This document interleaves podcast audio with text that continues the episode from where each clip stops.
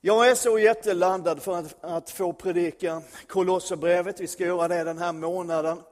Eh, tillsammans studera Kolosserbrevet. Jag älskar Kolosserbrevet därför att det handlar om det som, som allra mest av alla budskap man kan predika ifrån Guds ord, så är det nog det här som jag tycker är det viktigaste och mest fantastiska. Kristus är nog.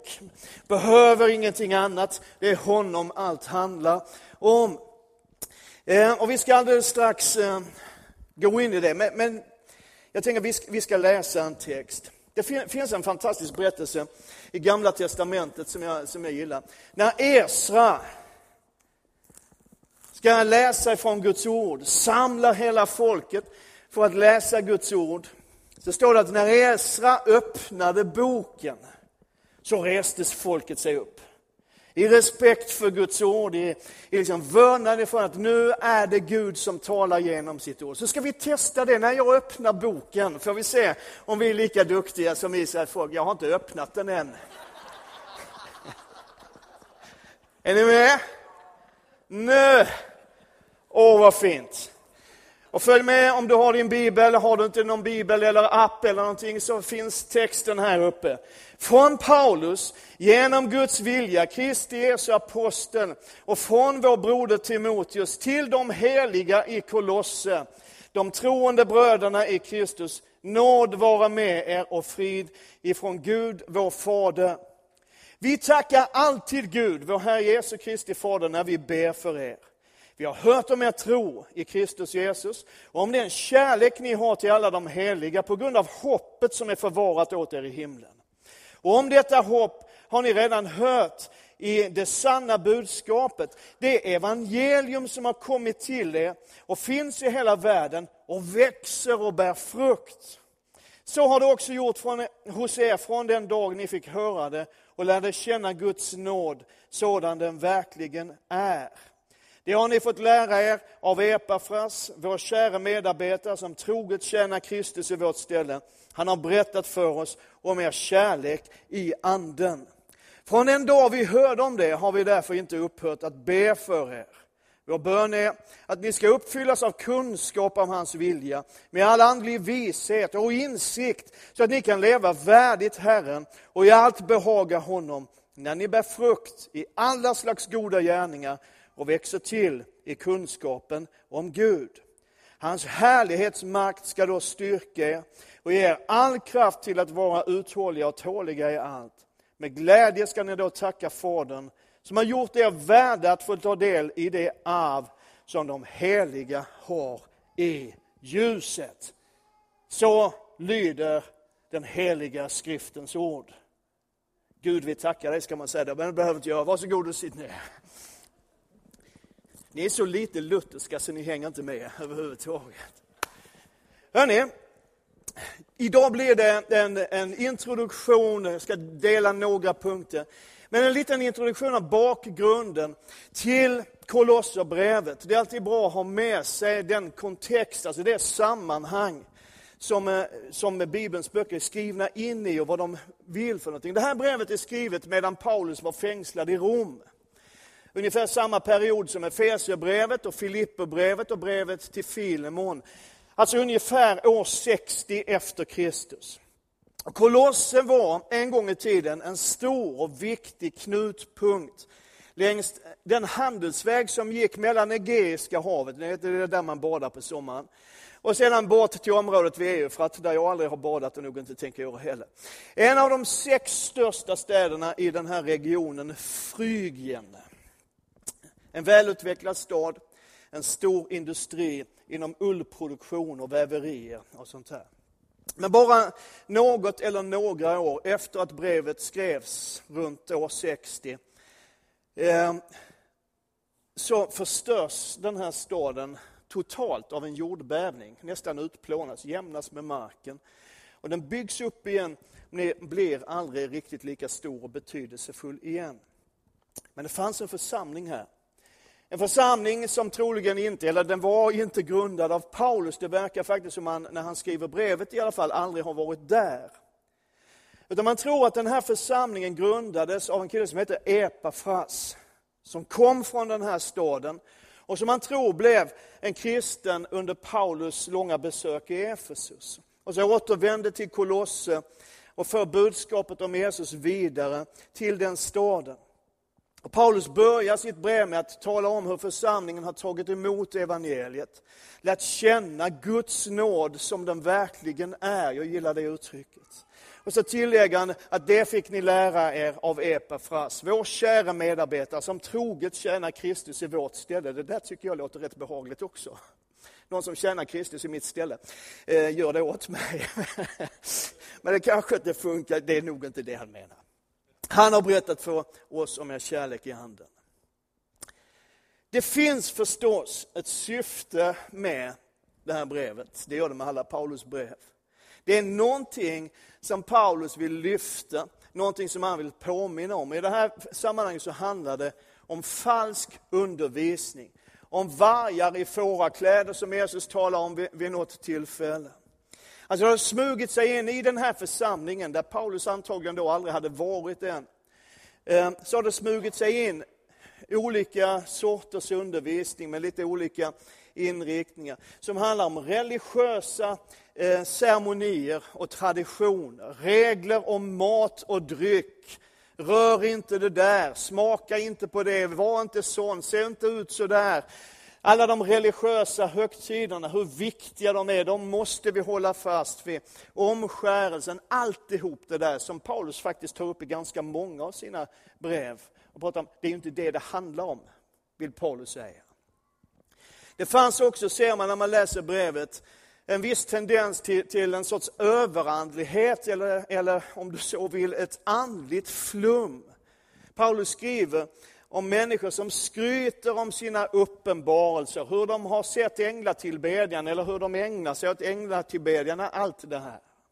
Det finns ett förminskande av Kristus, alltså man gör Kristi betydelse mindre än vad den är. Och det fanns en överbetoning på mänsklig kunskap, på mänsklig visdom och mänskliga traditioner. Och så fanns det någonting som florerade ganska friskt under den här tiden och faktiskt växte sig starkare så småningom. En sorts esoterisk, alltså en hemlig kunskap. En upphöjd och hemlig kunskap som vi kallar för gnosticism. Och jag ska inte köra jättemycket om gnosticism, men det är bra att känna till den tid som, som, som rådde när Bibeln skrevs. Och gnosticismen, hur många har hört talas om gnosticismen? Det är i princip allihop, vad bra. Det är ju inte en egen självständig och avgränsad religion, utan det är ett tankesystem eller en filosofi som har präglat olika religioner och olika filosofiska system. Om man ska uttrycka det väldigt enkelt utan att gå särskilt långt på djupet och försöka spara lite grann tid, så kan man säga att den går ut på att det finns ett högsta gudaväsen man kallar för den utan slut. Som är totalt upphöjd, fullständigt avskild, helt onåbar och omöjlig för människan att förstå. Men från detta upphöjda och avskilda gudaväsen, den utan slut, så flödade strålar eller energier, man kallar för eoner, som fyller den högsta världen som man kallar för pieroma, som betyder fullheten. Alltså de här strålarna från det, det avskilda gudaväsendet strålar ut i en sorts högre sfär. Och därifrån kan de här strålarna, energierna, nå oss människor som en gudomlig gnista genom att vi kommer till insikt och det finns olika vägar till den insikten. En insikt som då är hemlig, esoterisk, upphöjd, dold och lite för mer än all annan kunskap och insikt. Och så talar man om att en människa som har kommit till den insikten är upplyst. Och har du studerat modern new age så känner du igen de här uttrycken lite grann. Den här insikten som man får genom gudagnistan, ger människan en kunskap, gnosis, därav gnosticism, som går utöver vad människan annars skulle kunna förstå. Och Paulus vill komma åt det som har gått fel. Och det gör han på det enda sätt som Paulus känner till. och som är det bästa sättet, tror jag, av alla. Han upphöjer Jesus. Det är vad han gör. Och så använder han, och det är också typiskt Paulus, han använder de termer och uttryck och liksom sammanhang som är vanliga hos dem han talar till. Alltså han använder termer och uttryck från den gnostiska villfarelsen och talar om mer än någon annanstans i något annat brev. Han talar mer om insikt än vad han gör någon annanstans. Mer om vishet och om kunskap. Och så visar Paulus, och det här kommer vi se under den här månaden tillsammans, att Jesus är Guds avbild. Att Jesus är den som har skapat allt, att Jesus är den som håller samman allt. Att Jesus är huvudet för församlingen och att Jesus är den första att uppstå. Och han använder Paulus, det här nyckelordet för gnostikerna, fullheten, pieroma. Och så säger han att all Guds fullhet bor i honom. Alltså att Fadern har valt att låta allt vad han är, denna upphöjda Gud som ni pratar om, det är honom vi predikar men ni känner honom inte. Men denne upphöjde, avskilde, fantastiske Gud har låtit allt vad han är bo i Människosonen Jesus Kristus. Han är fullheten. Prisat vare hans namn. Och det är någonstans att Paulus landar i den sanning som Paulus så väldigt ofta återvänder till i sina brev och som jag älskar att förkunna. Att ni behöver inget annat än Jesus. Jesus plus ingenting är allting. Jesus plus, ingen, plus någonting annat är ingenting. Ni behöver inget mer än Jesus Kristus. Och då kan man undra, och det kanske du gör, och jag är tacksam att du frågar så jag kan svara. Hur är det här med gnosticismen relevant för oss? Vi lever här och nu, 2000 år senare. Och grejen är att hela det tankesystemet präglar i väldigt hög grad allt det som vi kallar för new age. Nu tror inte jag att det är så särskilt många av oss Eh, som är, är regelbundna besökare i NA-kyrkan som dyker med huvudet före ner i, i liksom new age, grumliga vatten. Men new age har i sin tur påverkat och påverkar ganska mycket av sådana här kurser som du och jag går på i personlig utveckling och självförverkligande och allt vad det nu är chefen skickar iväg det på. Det allra värsta är när chefen själv har varit på dem, eller hur? Nu har chefen varit på kurs igen. Alltså alla de här tankarna om att du har en inneboende kraft som kan väckas till liv. Tankarna som säger att alla svar, alla lösningar finns inom dig.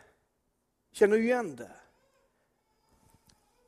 Awakening your inner giant och hela det som, som har präglat väldigt mycket av personlighetsutveckling. Det är inget fel att utveckla sin personlighet, en del skulle behöva verkligen göra det. Men, men någonstans är det bra att vara på det klara med var kommer det ifrån och vad handlar det om och kan det verkligen förvandla mitt liv? Och rent allmänt, så, så det Paulus gör i Kolosserbrevet, är att han tar itu med alla försök att lägga någonting till vad Jesus redan har gjort. Budskapet blir så våldsamt relevant. Du behöver inget annat än Jesus. Kristus är nog. Vi ska titta lite grann på ett par avsnitt, eller på ett par sammanhang i, i, i den här texten. Han säger så här, vi tackar alltid Gud vår Herre Jesu Kristi far när vi ber för er. Vi har hört om er tro på Kristus, Jesus, och om kärleken som ni har till alla de heliga. På grund av hoppet som väntar er i himlen.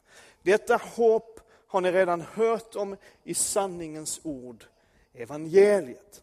Nu nämner Paulus två saker som han har hört om hos kolosserna. Han har hört om deras tro och han har hört om deras kärlek. Eller hur? Det är liksom det det handlar om. Vi har hört om er tro, vi har hört om er kärlek. Och så säger han att det här, tro och kärlek, det kommer av någonting. Tron och kärleken kommer av hoppet som ni äger.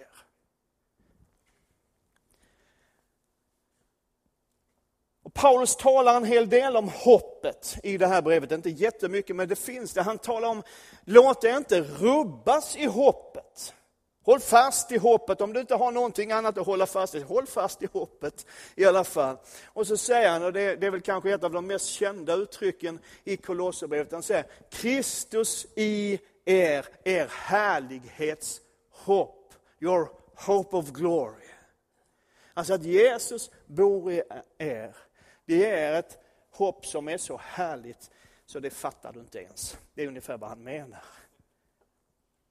Och när Bibeln talar om hopp, och det här är viktigt. När Bibeln talar om hopp så är det inte ett sånt där osäkert kanske. Som vi ibland menar när vi säger att jag hoppas på det. Jag hoppas till exempel att det ska sluta att snöa för det här är ett elände. Men jag har ingen riktig grund för det. Ja, någon gång kommer det göra det. Men när Bibeln talar om hopp så handlar det om någonting som är fast. Någonting som är stabilt. Det är någonting som håller. Hebreerbrevets författare skriver så här i det sjätte kapitlet och den nittonde versen, att detta hopp, hoppet som vi har, det är ett tryggt och säkert själens ankare. Innanför förhänget, alltså det talar om ända in till Guds tron i det allra heligaste. Och jag tycker det är, så, det är så skönt att veta att Gud har gett mig ett hopp som är ett ankare för min själ. Jag vet inte om du behöver det, men min själ är rätt fladdrig ibland. Ibland är den orolig och ibland så är den alldeles uppspelt och ibland så känner den det ena och ibland så känner den det andra. Ibland känner den det är en fantastisk dag och en annan dag känner den idag är det ingen bra dag. Min själ fladdrar åt alla håll. Men det finns ett ankare som håller oss kvar. Ända in i Guds tronrum. Vad är det? Hoppet i Jesus Kristus. Det är någonting säkert, det är någonting stabilt, det är någonting som alltid finns kvar. Det sviktar inte det hoppet. Det är inte ett kanske, Därför att Guds ord säger att alla Guds löften, allt det vi hoppas på, har fått sitt ja och sitt amen i Jesus Kristus. Det är inte kanske, det är ja och amen. Prisat vare Herrens namn. Så det hopp som vi har genom Kristus bär med sig någonting.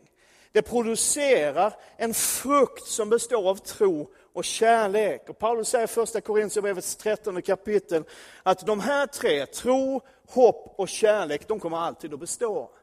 Eller hur? Känner du igen från kärlekens lov? Tro, hopp och kärlek hör samman. Och på något sätt så är de ömsesidigt beroende av varandra. Alltså hur får jag kärlek till mina medmänniskor? Har du funderat på det ibland? Hur kan jag älska mina medmänniskor, med mina syskon i församlingen? Hur får jag mer kärlek och större kärlek till Gud själv? Jo, jag sätter mitt hopp till Kristus. För hoppet i Kristus producerar i mig en kärlek. Eller för att knyta an till det tema som vi nyss avslutade förra veckan. Hur håller jag fast vid tron när tvivel drabbar mig? När omständigheter talar mot det mitt hjärta vill tro. Jag sätter mitt hopp till Kristus och det håller. Och studerar man de här orden, tro, hopp och kärlek i Bibeln och hur de används så ser man väldigt tydligt att de hänger samman och är beroende av varandra. Det blir som en obruten cirkel av ömsesidigt beroende. I den här texten så läste vi att hoppet producerar tro och kärlek. I Hebreerbrevet 11 så står det att tron är grunden för det vi hoppas på. Eller hur? I Galaterbrevet 5 så skriver Paulus att det kristna livet handlar om att ha en tro som är verksam i kärlek. Det vill säga den tar sig uttryck, den uttrycker sig i kärlek. Så hoppet producerar tro och tron producerar hopp och allt flödar ut i kärlek. Kärlek till Jesus, kärlek till hans församling och kärlek till människor omkring mig. Jag har ett hopp som bär mig. Och Det hoppet föder tro och kärlek och ju mer jag älskar, desto starkare blir hoppet. Och desto starkare blir min tro. Och ju starkare min tro blir, desto starkare blir kärleken och desto starkare blir hoppet. Och så kan vi hålla på i den här cirkeln, för det hänger ihop. Paulus skriver i vers 3, vi ber för er. Han skriver i vers 9, vi har inte upphört att be för er. Och vad är det han ber om? Han skriver så här, att från den dag vi hörde om det har vi därför inte upphört att be för er. Vi ber att ni ska bli fyllda av kunskapen om hans vilja, med all andlig vishet och insikt. Målet är att ni ska leva värdigt Herren och behaga honom på alla sätt genom att bära frukt i alla slags goda gärningar och växa i kunskapen om Gud. Så Paulus ber, och det borde vi också göra, vi borde följa det exemplet. Paulus ber om kunskap. Men inte en kunskap om vad som helst. Utan en kunskap om vad Gud vill. Han ber om vishet och insikt och använder de här gnostiska uttrycken. Men det är inte en, en vishet och en insikt om vad som helst, utan en vishet och en insikt som frågar efter Guds vilja och söker hans plan. Vet, det finns ju de som, som söker kunskap för dess egen skull. Eller hur? För att framstå som visa, verka lite lärda, vinna på TP eller vad det nu är. Men Paulus skriver att det finns ett ändamål med kunskapen. Det finns ett syfte med den kunskap som Gud ger. Att vi kan leva värdigt Herren och bära frukt. Och det är det som är själva målet. Det är det som är själva målet med att studera Guds ord. Det är det som är själva målet med att lära känna nåden som den verkligen är, som han skriver om i vers 6.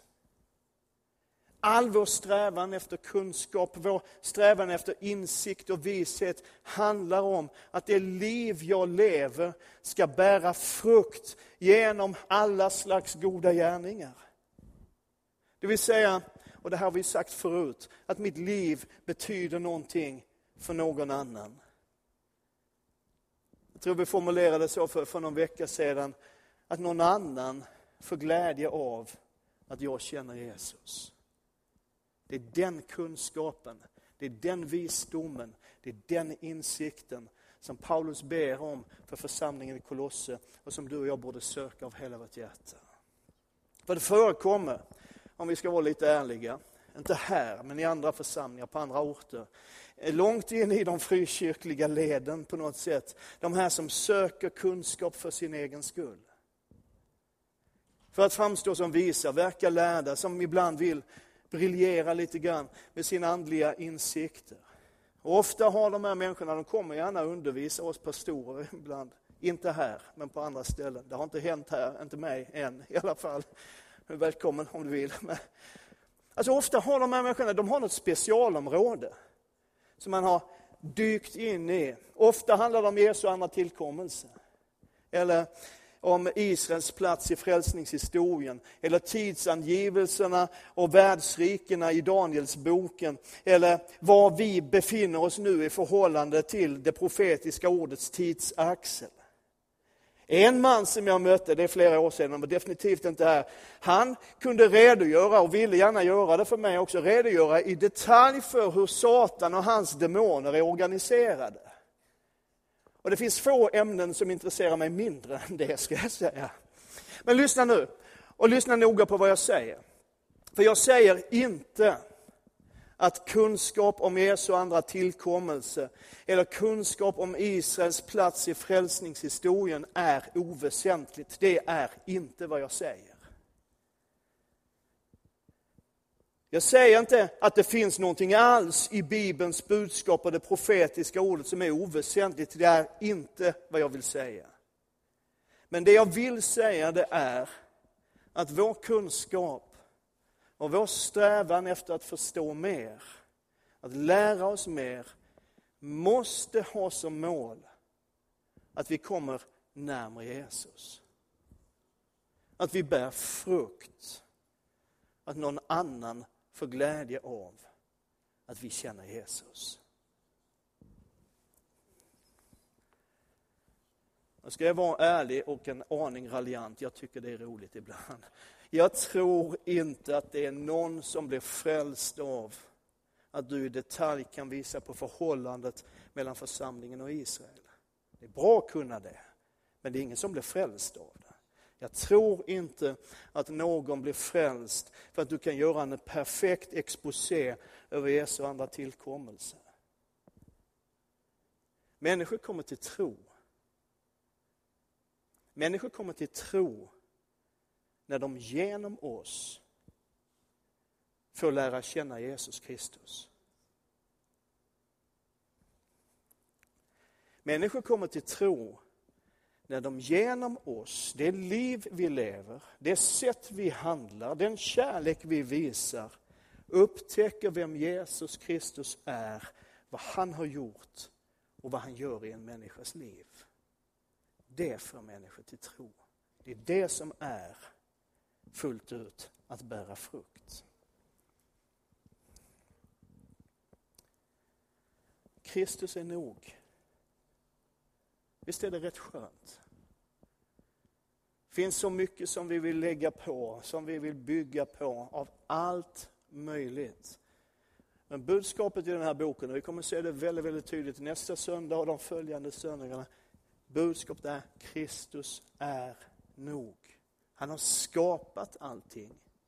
Han är över allting och han bär fullheten av Guds väsen. Han är allt du och jag behöver. Och allt folket sa? Amen.